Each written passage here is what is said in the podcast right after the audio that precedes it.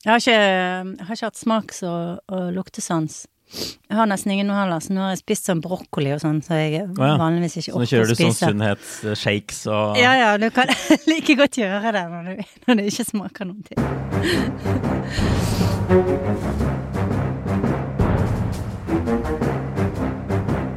Ok, da setter vi i gang med en ny episode Aftenpodden USA. Kristina Pletten er tilbake fra ja, spansk blodregn og det som verre er. Ja. God dag, god dag.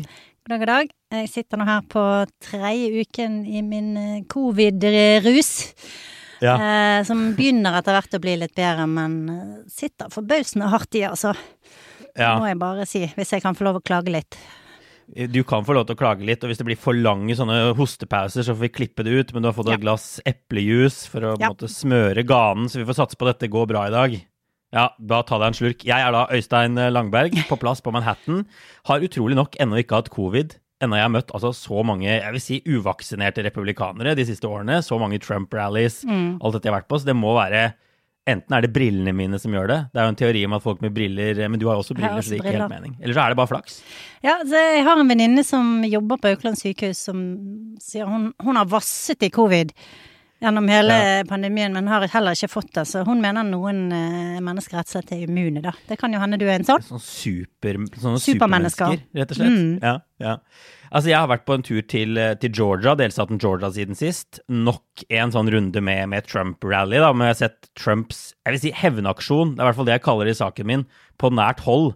Trumps forsøker altså der å, å bytte ut alle disse republikanerne i Georgia med sine egne folk, for de har jo allerede full kontroll i den delstaten. Masse vi får si, flinke folk som leverer ting velgerne vil ha til en viss grad, men som Trump likevel vil bytte ut, da, fordi de ikke fullt og helt vil snakke om valget i 2020 og hvordan det ble stjålet fra Trump. De vil se videre, eller de ja, vil ikke telle for femte gang eller sjette gang.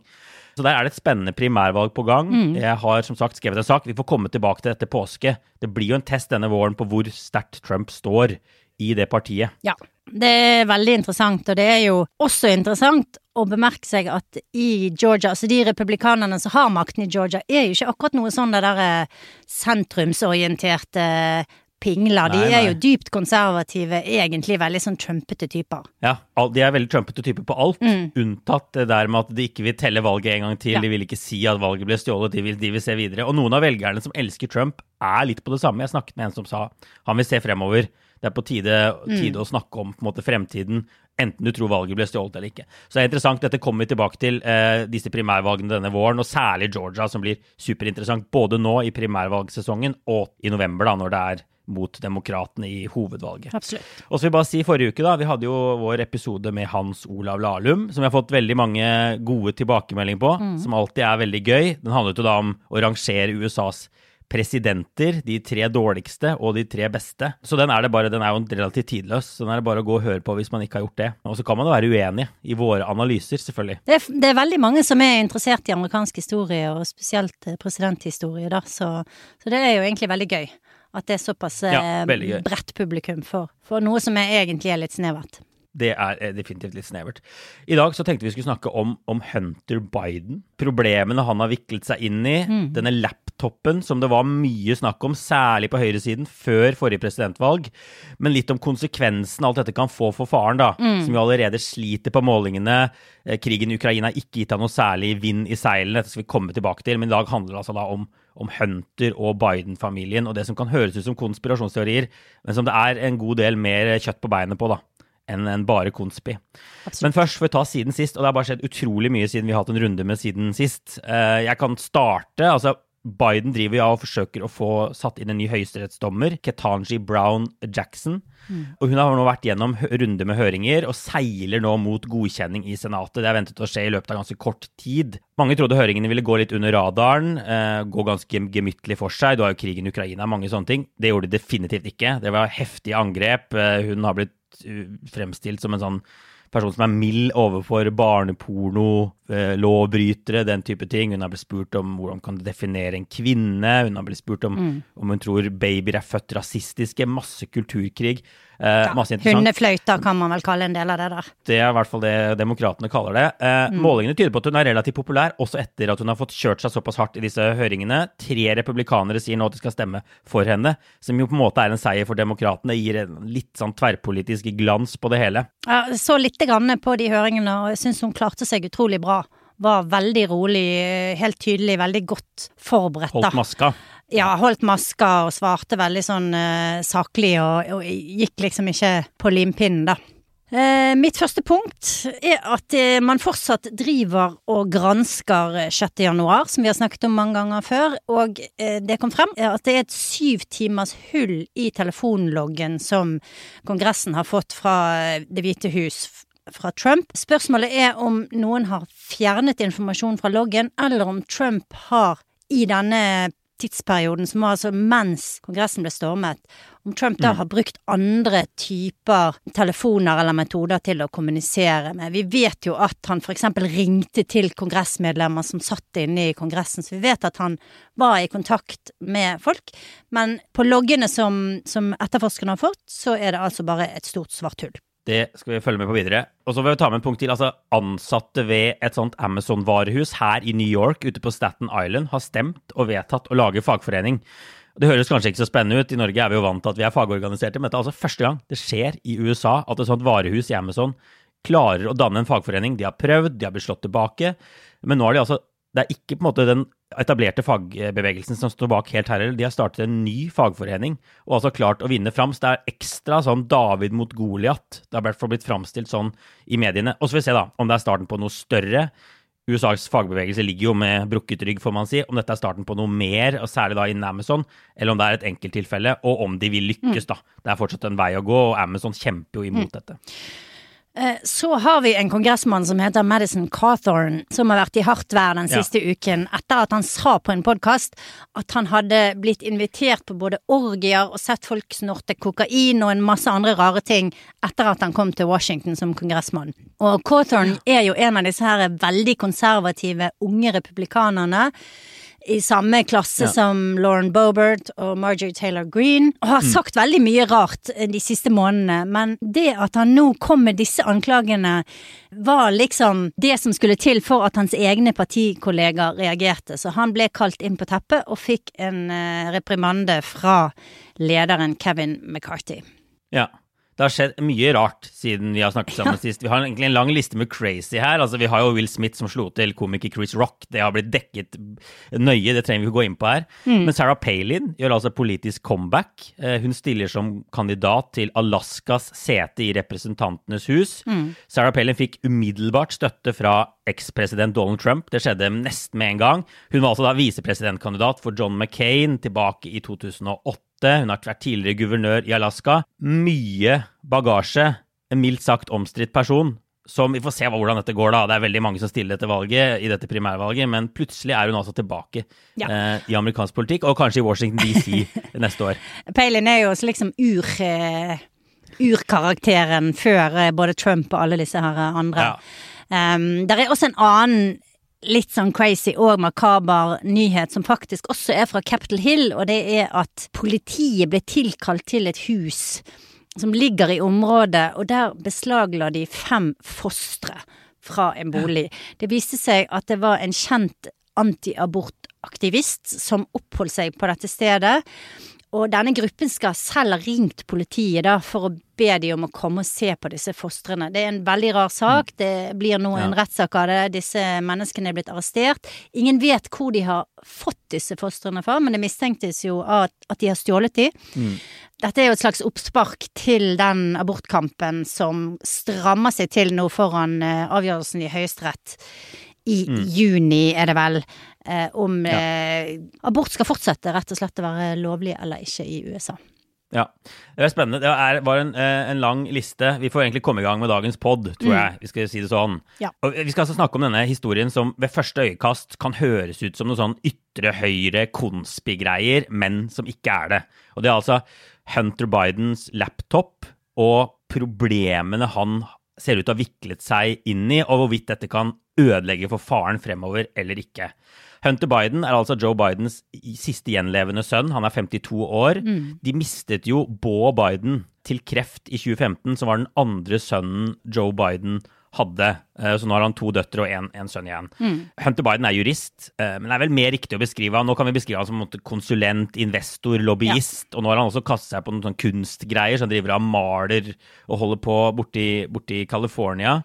Han har vært en del i nyhetsbildet også før, eh, stadig vekk, bl.a. pga. privatlivet sitt, mm. som mildt sagt har vært rotete lenge. Mm. Som har vært en gullgruve for altså, tabloiden i USA. Særlig da avisen her i byen, New York Post, som jo er noe av de mest tabloide avisene jeg har kommet borti. Den mm. Eh, kan i hvert fall slå en god del britiske aviser. Altså, uh, Hunter Biden har fem barn med, med tre kvinner. Han har på et tidspunkt datet enken etter broren Baugh.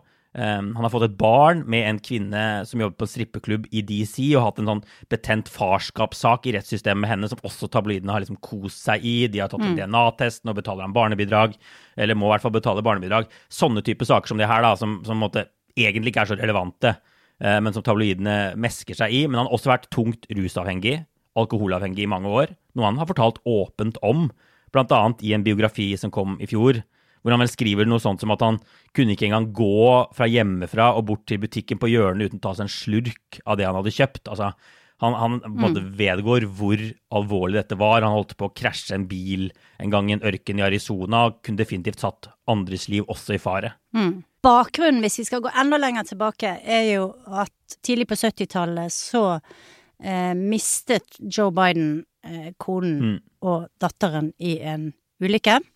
Og eh, ble altså alenefar til disse to guttene, Bo og mm. Hunter. Og samtidig var jo da eh, Joe Biden i Kongressen allerede da, så mm. han var en travel mann. Så dette er jo liksom bakgrunnen for Hunter Bidens og Bo Bidens oppvekst. Og ja. eh, Bo har jo, i hvert fall sett utenifra, kanskje vært liksom den perfekte sønn, mens Hunter har vært liksom det sorte fåret, da. Bo mm. var, jo, eh, var, jo, attorney general. Eh, var slik han, han, han, hadde etter hvert et ganske nært forhold til Camilla Harris, som jo ja. var grunnlaget for at hun ble eh, visepresident. Fordi at de mm. hadde den connection, og Biden eh, dermed allerede var introdusert til henne og stolte på henne.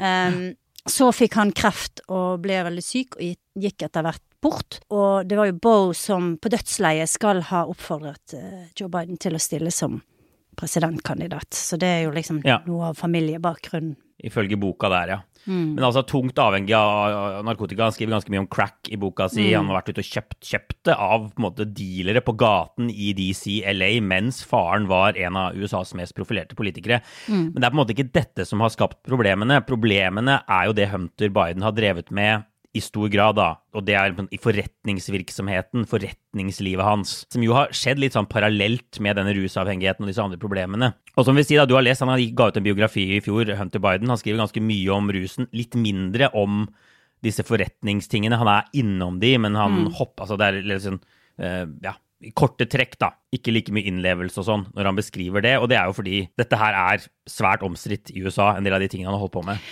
Ja, og selv om han eh, er jo ganske ærlig i problemene han har hatt med rus og, og utfordringene han har hatt i livet sitt, så innrømmer han jo ingen skyld, eller at han har gjort noe galt, eller at mm. i det hele tatt var noe uh, mistenkelig i at denne her liksom delvis narkomane, ikke spesielt vellykkede businessmannen plutselig skal få millionen- og milliardkontrakter. Uh, ja. i, i, helt andre land, da. Så det blir ja. egentlig ikke problematisert så mye. Han skriver i kapittelet om, uh, om Brisme, som vi skal komme mer inn på, men som er dette mm. selskapet i Ukraina der han satt i styret, da. Han skriver uh, at da han fikk den jobben, så gjorde det at han fikk mer tid til å ta seg av eh, broren når han var veldig kreftsyk. Og det mm. er jo i seg sjøl en veldig sånn rar ting å skrive, at ok, du får en, eh, en jobb eh, der du får betalt 50 eh, 000 dollar, tror jeg, i måneden. Ja, og så skal det være liksom en jobb som Ja, det var jo bare en, en jobb som krevde så lite jobb at, arbeid at du egentlig kunne kunne ta deg av din Ja. bror, da.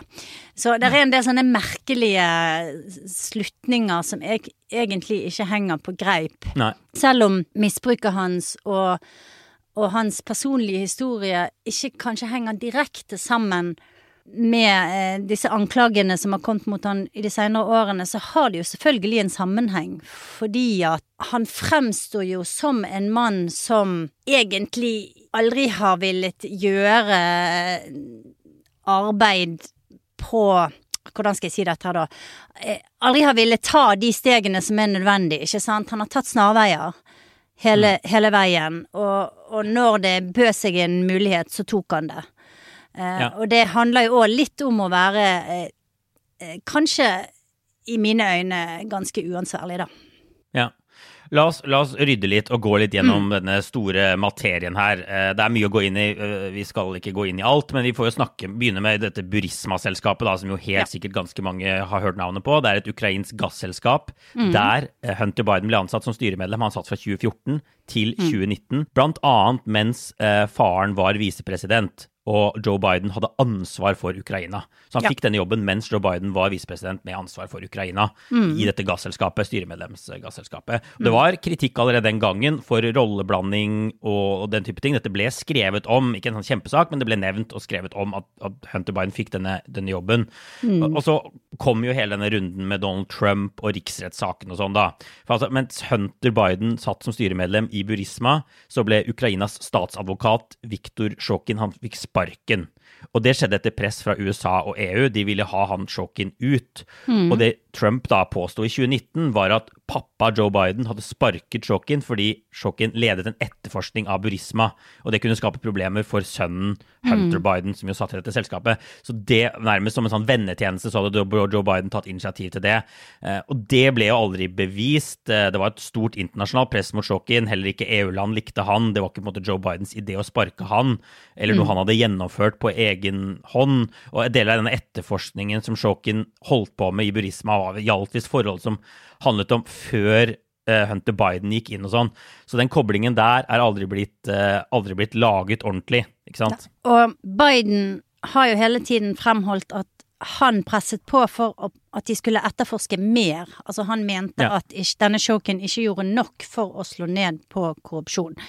Men Ja. det Biden også gjorde, og det fins det jo video av, eh, der Biden faktisk sitter og sier det selv, det er jo at han holdt tilbake, eller han truet med å holde tilbake, én milliard dollar i eh, amerikanske lån hvis ikke Shokin fikk sparken og de gjorde mer for å slå ned på eh, korrupsjon. Og det ligner jo lite grann på det som Trump ble anklaget for å gjøre seinere, altså true med å holde tilbake eh, pengestøtte hvis ikke han får viljen sin.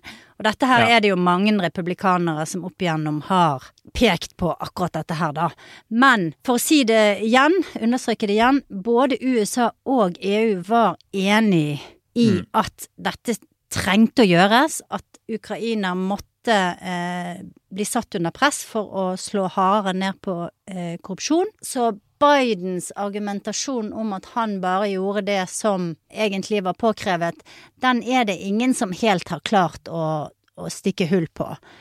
Nei. Men problemet her er jo at sønnen hans sitter og håver inn penger i en posisjon som han sannsynligvis ikke burde hatt.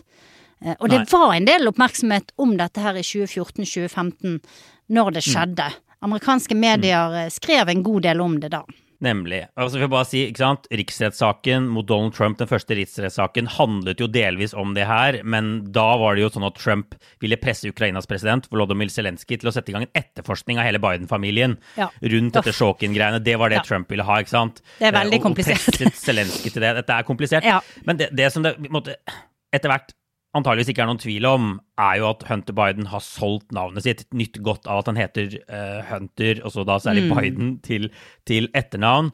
Eh, Og han har delvis innrømmet at en del av disse jobbene han fikk, da vi kan ta Burisma først, at han ikke ville fått de uten det navnet. Han skriver i boka at det er ingen tvil om at etternavnet hans åpnet dører, Og så sier han men kvalifikasjonene mine snakker for seg selv. Og det er jo det siste der, men da man kan diskutere hvor mye kompetanse hadde Hunter Biden på Ukraina ja. eh, egentlig, og, og, hvor viktig var det at faren hans hadde denne porteføljen som utenriksminister. Mm. Um, og det er her vi kommer litt inn på problemene og, og, og ryddigheten. Mm. Ok, Men det var det som gjaldt Burisma, og så må vi gå videre til denne veldig mye omtalte laptopen til, til Hunter Biden. Altså, Historien er jo sånn at det var jo presidentvalg i 2020.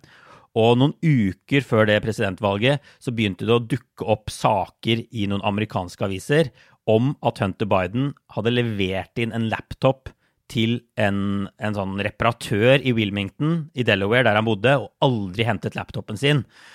Og så Det er jo mye mystisk rundt det her, men, men de, de, som hadde fått tak i denne laptopen, var blant andre Donald Trumps advokat Rudy Giuliani mm. og han gamle Trump-rådgiveren Steve Bannon. Eller de hadde i hvert fall fått tak i innholdet på harddisken. De vet fortsatt ikke akkurat detaljene i det her.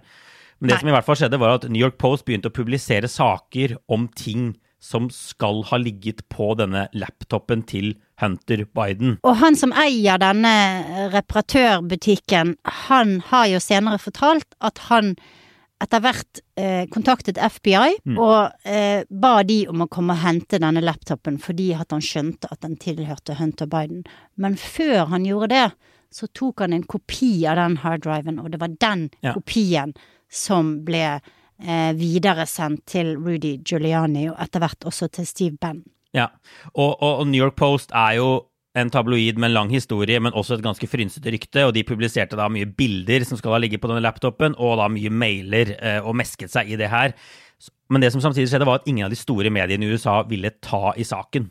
Og Facebook og Twitter de stanset spredning av disse New York Post-sakene om Hunter Bidens businessforbindelser, koblingene til faren, hva disse mailene skal ha inneholdt. Og veldig mange gikk langt i å antyde at dette kunne være, eller var antageligvis, russisk desinformasjon. Ja, og Washington Post har jo skrevet nå nylig at de forsøkte å få en kopi av denne laptopen, sånn at de kunne få verifisert eh, innholdet. Mm. De henvendte seg blant annet til Giuliani og Steve Bannon, men fikk ja. aldri svar. Og frykten Nei. var jo her at dette var informasjon som var eh, hacket, altså stjålet mm. ut av eh, datamaskiner, og så distribuert tilbake til eh, amerikansk publikum via, via, via forskjellige kanaler. Dette var jo det ja. samme som skjedde i valget i 2016, når russerne hacket seg inn på blant annet demokratenes eh, Forskjellige demokraters eh, systemer, stjal mm. masse e-poster og sendte de ut igjen eh, via Wikileaks, blant annet. Ja. Og så var det en frykt for at noen av mailene kunne være ekte. Noen av bildene var åpenbart ekte, av Hunter mm. Biden som ligger i et uh, badekar og røyker og, og sånne type ting. Mm. Men så kunne det altså være falske mailer inni her. Kanskje de mest ødeleggende mailene var falske. Ikke sant? Mm. Så det var dette man ikke visste. Og det var sånn 51 etterretningsoffiserer gikk ut og sa dette har liksom alle kjennemerker av russisk propaganda. Og noen, også demokrater, gikk langt i å si at dette var liksom et forsøk på å sverte, sverte Biden og, og demokratene. Men ettersom tiden har gått, så er det jo faktisk sånn da, at det er mindre og mindre som tyder på at russerne har hatt noe direkte med dette å gjøre. Det er ganske klart at det finnes en laptop der ute, eh, og de siste ukene, da, som vi er inne i nå, så har både New York Times og Washington Post gått god for en del av innholdet på harddisken, i hvert fall en del av mailene. De har verifisert mailer mot andre kilder, andre åpne kilder, og funnet ut at de er ekte. Ja, og det er vel også eh, liten tvil om at det nå skjer en etterforskning av Hunter Biden. Eh, mm. At FBI og Justisdepartementet har eh, drevet og etterforsket eh, både hans eh, businessforbindelser og eh, hans inntekter og mm. andre ting rundt hans virksomhet, da, i, i, ganske lang tid. Det handler jo både om, om skatteunndragelse, det handler om lobbyvirksomhet for andre statsmakter, og det handler om mulig hvitvasking av penger. Ja, så egentlig ganske alvorlige ting. Og det ja. Flere medier, og nå snakker vi også om mainstream-medier, har rapportert, at, at denne etterforskningen ligger ikke på en måte død, den er høyst aktiv. Det innkalles stadig vitner til sånne store paneler. Um, og det ble klart allerede like etter valget i 2020 da, at Hunter Biden var under etterforskning. Da innrømmet han det, han det selv. Og det er også klart at denne laptopen er hos, hos uh, eh, FBI. Um, og nå har jo også Washington Post da, si, nylig publisert en sak om Hunter, Biden, Hunter Bidens business i Kina. Ja. Uh, kompliserte forhold der. Et stort kinesisk energiselskap som betalte Hunter, og vel også Joe Bidens bror James, store honorarer for oppdrag de gjorde for dette, dette selskapet. Vi snakker om titalls millioner uh, kroner, hvis vi oversetter det til, uh, til, kroner. Og igjen så beskyldes da eh, Hunter Biden for å selge Biden-navnet, selge koblinger de har fått gjennom Joe Biden. Uh, og det arbeidet han har gjort da, sant, gjennom mange år som politiker i USA. Mm. Og, og, igjen så er det jo usikkert hva, eh, hva, Hunter Biden og onkelen for den saks skyld har gjort for disse pengene. Annet ja. enn å liksom møte disse her eh, kineserne et par ganger og, og sette opp eh, noen sånne skallselskaper her og der. Men, men at det, det ser jo på overflaten ikke ut som om de kan dokumentere at de faktisk har gjort noe særlig arbeid for de millionene av kronene de har fått. Og det skal også eh, nevnes at et, i hvert fall ett av disse møtene eh, i Kina, der reiste Hunter Biden sammen med Joe Biden på Air Force Two, som er visepresidentens mm. fly, eh, og møtte da denne ene kinesiske millionæren. Og Biden skal i den forbindelse også ha i hvert fall hilst på han, da. Eh, det skjedde mm. bare i lobbyen i hotellet, sier Hunter Biden. Men, eh, men, det er klart at eh, for Joe Biden også, så kan nok dette her være en litt sånn ulmende problem ja. som ikke vil gå vekk med det første. Det ser ikke bra ut. Nei, Hunter Biden-sagaen har, har, fremstått som en gavepakke til republikanerne i ganske mange år, egentlig. Ja. Og vi ser jo nå at og det gjør den fortsatt. Og vi ser nå at høyresiden fryder seg virkelig. Altså Den ytre høyresiden fryder seg over at New York Times, Washington Post nå kobler seg på. ikke sant? De sier vi har ikke fått disse harddiskene før. Eh, høyresiden sier men hvordan kan dere ha tatt dere liksom 17 måneder å verifisere disse mailene eller finne ut at det er noe substans i denne storyen? ikke sant? Så de mm. slår ganske hardt tilbake med argumenter som ikke er sånn som, som hakkande gæren. Og så er det litt sånn uklart hva som er hovedfokus i etterforskningen mot Hunter Biden nå. New York. Times har bl.a. rapportert at han har betalt inn betydelige beløp, sånn ekstrabeløp, i skatt fra år da han ikke har betalt nok skatt tidligere. ikke sant? Nei, Så det er definitivt en sånn stemning fra høyresiden hvor de sier 'I told you so', vi hadde rett, eh, rett hele tiden. Men så forsvarer jo også samtidig disse to store avisene, New York Times og Washington Post, seg med at de har håndtert dette riktig. At de var riktig å gå forsiktig frem da disse mailene dukket mm. opp i, rett før valget i 2020. Hva tenker du om det? Altså, er, har de gode argumenter? Ja og nei. Jeg tenker på den ene siden så har det jo kommet, som jeg nevnte, mye informasjon. Masse, masse informasjon de siste årene som har vært stjålet og manipulert og falsk. Mm. Og spesielt fra eh, ytre høyre så har det flommet på med påstander som er eh, til dels totalt outrageous. Og det at noe av det faktisk viser seg å stemme, kan liksom ikke tas til inntekt for at alt de sier dermed er sant. Mm. Det er det første. For det andre, eller på den andre siden, så, så er det jo sånn at mye av den informasjonen som har kommet frem de siste årene gjennom eh, hacking og lekkasjer, har jo også vært viktig. Vi i Aftenposten har publisert masse svære artikler eh, om disse her eh, avsløringene fra Panama Papers og Pandora Papers, og dette er jo informasjon som er stjålet av ansatte eller folk som har fått tilgang til mm. hemmelige dokumenter og lekket de til, til media, og avslører dermed mm. eh, maktmisbruk, korrupsjon osv. Så, videre. ja. så hvilken informasjon er det riktig å, for media å gå videre med? Og hvilken informasjon bør man eh, la være å ta i?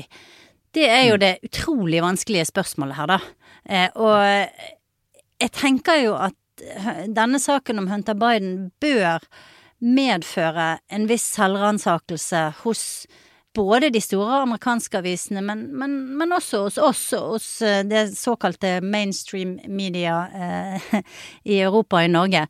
Men samtidig så, så, må jeg understreke at eh, det er jo ikke sånn at mediene ikke har tatt i det i det hele tatt. Man har tatt alvorlig, man, man ser på det. Etterforskningen går videre. Eh, mm. Biden har, så vidt jeg eh, har notert, ikke gjort noe for å forsøke å hindre at denne etterforskningen skjer. Så det er også vektige argumenter for at dette har blitt behandlet med, med alvor og på en ordentlig måte. Life is made up of many gorgeous moments. Cherish them all, big and small, with Blue Nile. Whether it's for yourself or a loved one, Blue Nile's unrivaled selection of expertly crafted fine jewelry and statement pieces help make all your moments sparkle. Blue Nile's experts are on hand to guide you, and their diamond guarantee ensures you get the highest quality at the best price. Celebrate a life well lived in the most radiant way and save up to 30% at BlueNile.com. That's BlueNile.com. Botox Cosmetic, out of botulinum toxin A, FDA approved for over 20 years. So, talk to your specialist to see if Botox Cosmetic is right for you. For full prescribing information, including boxed warning, visit BotoxCosmetic.com or call 877-351-0300. Remember to ask for Botox Cosmetic by name. To see for yourself and learn more, visit BotoxCosmetic.com. That's BotoxCosmetic.com. Men et sentralt spørsmål nå blir jo på en måte Ok, Hunter Biden er kanskje i problemer, han har kanskje gjort kritikkverdige ting. Det ser jo definitivt sånn ut, men hva visste Joe Biden? ikke sant? Hvor tett kan Joe Biden kobles til det her? Og så vil jeg si, Republikanerne i Senatet gransket dette allerede i forbindelse med riksrettssaken i 2019. Da gransket de altså Hunter Biden, Joe Bidens uh, forretningskoblinger til, mm. um, til bl.a. Ukraina.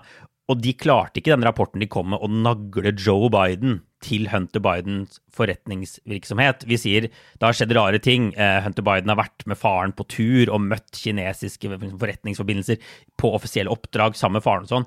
Men, men, det at måtte, Joe Biden har vært involvert f.eks. i disse selskapene, eh, møtt selv med, med, forretningsforbindelser i utlandet, investert i Kina, den type ting, det er det jo foreløpig ingen, ingen klare beviser for. Selv om jo høyresiden hevder det, da, at det, han må åpenbart ha visst mye mer enn det han sier. Og det er jo først da det blir kanskje virkelig alvorlig for, for, for Joe Biden, hvis de kan lage en sånn kobling.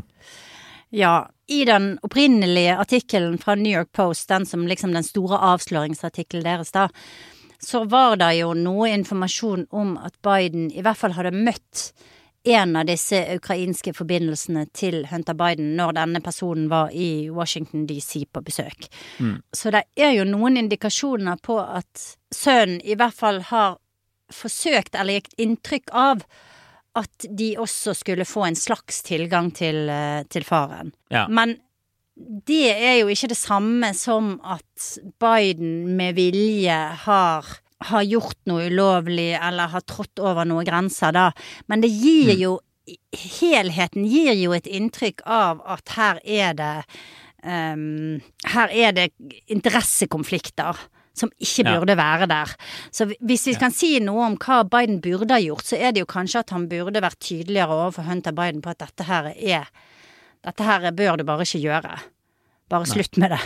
Og så burde han ha sagt, når folk har spurt han om det, så burde han vært mer ydmyk. Han burde også ha sagt tydelig at dette var ikke en god idé. Eh, jeg har ingenting mm. med dette å gjøre. Jeg vil ikke eh, Og jeg, eh, jeg har sagt tydelig fra om at dette ikke var noe jeg syntes var eh, en god idé. Men han har på en måte bare vært veldig aggressiv og blitt sinna og sånn når eh, journalister har spurt han om det, da. Ja, og Washington Post driver med litt selvkritikk på lederplass nå. De mm. sier vi kanskje ikke 2016, da ble, vi, da ble vi kanskje offer for russisk propaganda. Vi publiserte ting vi burde tenkt mer igjennom altså lekkede ting som russerne hadde hacket. I 2020 overkompenserte vi kanskje litt, skriver de innforstått i denne lederen. Da burde vi kanskje skrevet mer om laptopen tidligere. Og så skriver de at presidenten fortjener kritikk for å i hvert fall underforstått ha gått god for at Hunter ja. Biden selger tjenester med liksom farens navn på, på, på, denne måten. Men så finnes det jo et helt univers av konspirasjonsteorier på den ytre høyresiden, hvor de mener at Biden-familien har skyld i krigen i Ukraina, investeringene ja. de har gjort der. Det er en stor, stor, en stor, stor konspirasjon hvor familien har tjent seg eh, rik på den type ting. Trump har ikke gjort noe galt, han hadde liksom rett hele veien, den type ting. Eh, som vi definitivt ser at dette det, sauses jo sammen, eh, sånn som han alltid har gjort. Og Donald Trump, Donald Trump har vært ute nå og bedt Putin publisere det han har om Hunter Bidens påståtte businessforbindelser i Russland. Eh, altså, nå, nå, nå, ber Trump da en mann som ikke begår krigsforbrytelser, mener mange, i Ukraina, invadert et naboland og ber han om hjelp. Mm. fra han. Det, det, det er på en måte det Donald Trump er fokusert på, som også har fått mye oppmerksomhet, da, og som henger sammen med hele denne Hunter Biden-sagaen. Og, og dette ligner jo litt på sånn som ytre høyre også har reagert på Clinton-familien opp igjennom, fordi at det er jo legitim kritikk. Også mot eh, Clinton, Clinton Foundation, hvordan eh, de har holdt på med penger og forbindelser. Eh, men så drar man det ut i, i det absurde, ikke sant, og begynner med disse her eh, fantasiene om eh, pedofiliringer og Pizzagate Ja. og alt dette, all denne galskapen som egentlig gjør at kritikken som er legitim, forsvinner i bare masse vrøvl. Og, Ja. og det er jo kanskje det som også er i ferd med å skje med denne Hunter Biden-saken, da. At det er, eh, det er en kjerne her som bør tas tak i. Og så er det veldig mye rundt som er bare tull og tøys, som kanskje faktisk eh, paradoksalt nok kan hjelpe eh, Joe Biden til å avvise det som nok en galningsteori, ikke sant, fra ytre, Ja. ytre høyre. Ja, og det er en sånn, eh, The Guardian hadde en fin sak. Det er en sånn kjent um, professor Jonathan Turley, altså professor i rettsvitenskap, som snakker litt om hele denne miljøet i DC og, og dette Hunter Biden har holdt på med, og det å tjene seg rik, men å selge tilgang basert på familienavnet. Ja. Han kaller det en form for beskyttet korrupsjon. Som det aldri har blitt slått skikkelig ned på. Og det er på en måte ikke noe Hunter Biden har kanskje gått lenger enn andre. Kanskje Hunter Biden har brutt loven. Vi får se hva, hva som skjer med denne saken. Men at det er en veldig sånn utbredt greie i, i DC, som vi kanskje ikke kjenner så godt fra Norge. I hvert fall ikke ja, såpass Altså- åpent som man gjør det her, da. Nei, og ja, men- og selge etternavnet sitt. Ja, der er jo masse, masse eksempler på det, og Washington er jo dypt korrupt. Og det er eh, veldig store penger, det er veldig mange både nasjonalt og internasjonalt som vil kjøpe seg innflytelse, så det er veldig enkelt, eh, egentlig, hvis du først kommer i en eh, maktposisjon og, og høste fruktene av det og tjene deg eh, styrtrik. Det er også veldig mange muligheter for å skjule sporene sine, ikke sant. Og du så jo det som kom frem under etterforskningen av Trump, viser jo at også folk i hans univers eh, benyttet seg av eh, disse her pengene fra Ukraina som ville kjøpe seg innflytelse. Så dette her er jo en slags korrupsjon satt i system, og Hunter Biden-historien er bare ett eksempel av mange. Ja, Til slutt får vi bare snakke kort om hvordan det går med Joe Biden. Jeg tenker jo Hvis Hunter Biden blir tiltalt og dømt i en sånn sak, så er det sant, ekstremt dårlige nyheter for også president Joe Biden, selv om han klarer å holde seg unna selve rettssaken øh, og, og dommene. øh, Og klarer på en måte å renvaske seg sånn sett. Og vi vet også at hvis republikanerne vinner mellomvalget til høsten og tar over huset, så er dette en sak de kommer til å bruke. Vi ser jo allerede at det er en sak de bruker for alt den er verdt. Man kan se for seg nye granskninger. Eh, Man kan se for seg at de vil relativisere alt Trump-familien har holdt på med, alle etterforskningene mot dem. ikke sant? Skrive at her er det folk er like gale på begge sider. Så det er jo et potensielt stort problem for Joe Biden, som allerede sliter. Absolutt. Og som sagt, altså, han virker jo ikke heller til å være i stand til å takle det på en spesielt god måte. Han har jo mange, mange ganger vist at når han eh, får kritikk som kommer litt for nært, blir litt for, for eh, ukomfortabel, så slår han tilbake eh, på til dels veldig usmakelige måter. Han eh, kan eh, skjelle folk ut. Han kan eh, angripe de tilbake igjen eh, personlig. Eh, og alt det der vil jo se utrolig lite tillitsvekkende og bra ut for en mann som nå skal forsøke å fremstå som en samlende leder og en redder av demokratiet, og hva det nå er verden trenger nå i en, en så Ja. I en så prekær situasjon som den er i da. Så er det liksom det siste man trenger, er en Joe Biden som virker smålig og hevngjerrig og ikke i stand til å, å engang eh, feie for sin egen dør på en ordentlig måte. Nei. Og han skulle jo gjenopprette normalitet etter kaosåret med Trump. Det er klart at hvis, hvis Hunter Biden ender opp med å bli dømt her Det er jo ennå eksempel ingen av disse rettssakene mot Trump-familien som har endt opp i en, en dom Nei, eh, i en rettssak. Så, så klart hvis det skjer, så er det virkelig en stor ripe i lakken. Og det spørs liksom hvor hva det også vil bety for et eventuelt eh, altså, At han stiller igjen i 2024 og sånn. Meningsmålingen nå viser jo at fortsatt er sånn. 53% amerikanere mener Joe Biden gjør en dårlig jobb. 41% mener han gjør en god jobb, som er liksom alvorlige, dårlige tall. Han ligger omtrent akkurat likt med Trump på samme tid. Trump ble som kjent ikke ikke gjenvalgt. Det er kritisk inn i et mellomvalg. Og så har du tidligere sagt at Joe Biden har håndtert Ukraina ganske bra. Det var en god mulighet for Joe Biden til å få litt sånn eh, Samle landet litt eh, mot en, måte, en stor krise da, i utlandet. Mm. En krig. Folk synes generelt at Biden gjør det bedre på Ukraina enn presidentskapet generelt, men han får ikke spesielt gode tall på Ukraina heller. Han fikk en lite sånn hopp rett etter invasjonen og State of the Union, sånn, men nå er det tilbake der det var før. Uh, og vi ser at Joe Biden misbruker sjanser han har. Han holdt jo en, en tale i Polen for, eksempel, for noen uker siden som noen mener var en av de beste talene han holdt. Og så ender han opp med å si 'This man cannot remain in power' på slutten om Vladimir Putin. Og så er det alt det handler om i flere dager etterpå. Ingen som husker resten av talen hans. Som er sånn, ja, misbrukt ja. mulighet. Ja, det er virkelig det, altså. Det, det ser jo ut som om eh, Biden nå hvis ikke noe veldig eh, stort skjer da, går inn i valgkampsesongen i høst med ganske store riper i lakken og eh, ja, må virkelig gjøre en innsats altså hvis han skal klare å, å redde flertallet i Kongressen, tror jeg. Ja, ja. Vi får gå over til en liten runde obligatorisk refleksjon til slutt. Eh, kanskje jeg skal starte, da. Jeg har en veldig kort bare anbefaling av en sak i New York Times, skrevet av en gammel kollega som jeg kjente litt da jeg var i Brussel, som heter Julian Barnes. Han skriver om etterretning for New York Times. Handler om noe vi har vært innom før. Altså USAs etterretningsvirksomhet og de smellene de har gått på før. Eh, hvor grovt de bommet i Afghanistan, og hvor godt de egentlig traff i Ukraina. Særlig oppbyggingen til krigen. Men det, det Barents skriver litt om, er at de også bommet i Ukraina. Med egentlig litt med motsatt fortegn av det de bommet på i Afghanistan. Og det er å mm. vurdere befolkningens vilje til å kjempe, altså kampvilje, og hvor vanskelig det er for etterretningsorganisasjonene. Det klarte de verken i Afghanistan eller i, i Ukraina. Altså, i, i, Afghanistan så bommet de jo helt. altså Taliban overrumplet jo styresmaktene der fortere enn noen hadde sett for seg. Det ble jo knapt måte, krigshandlinger på slutten. De bare liksom rullet inn i Kabul og tok byen.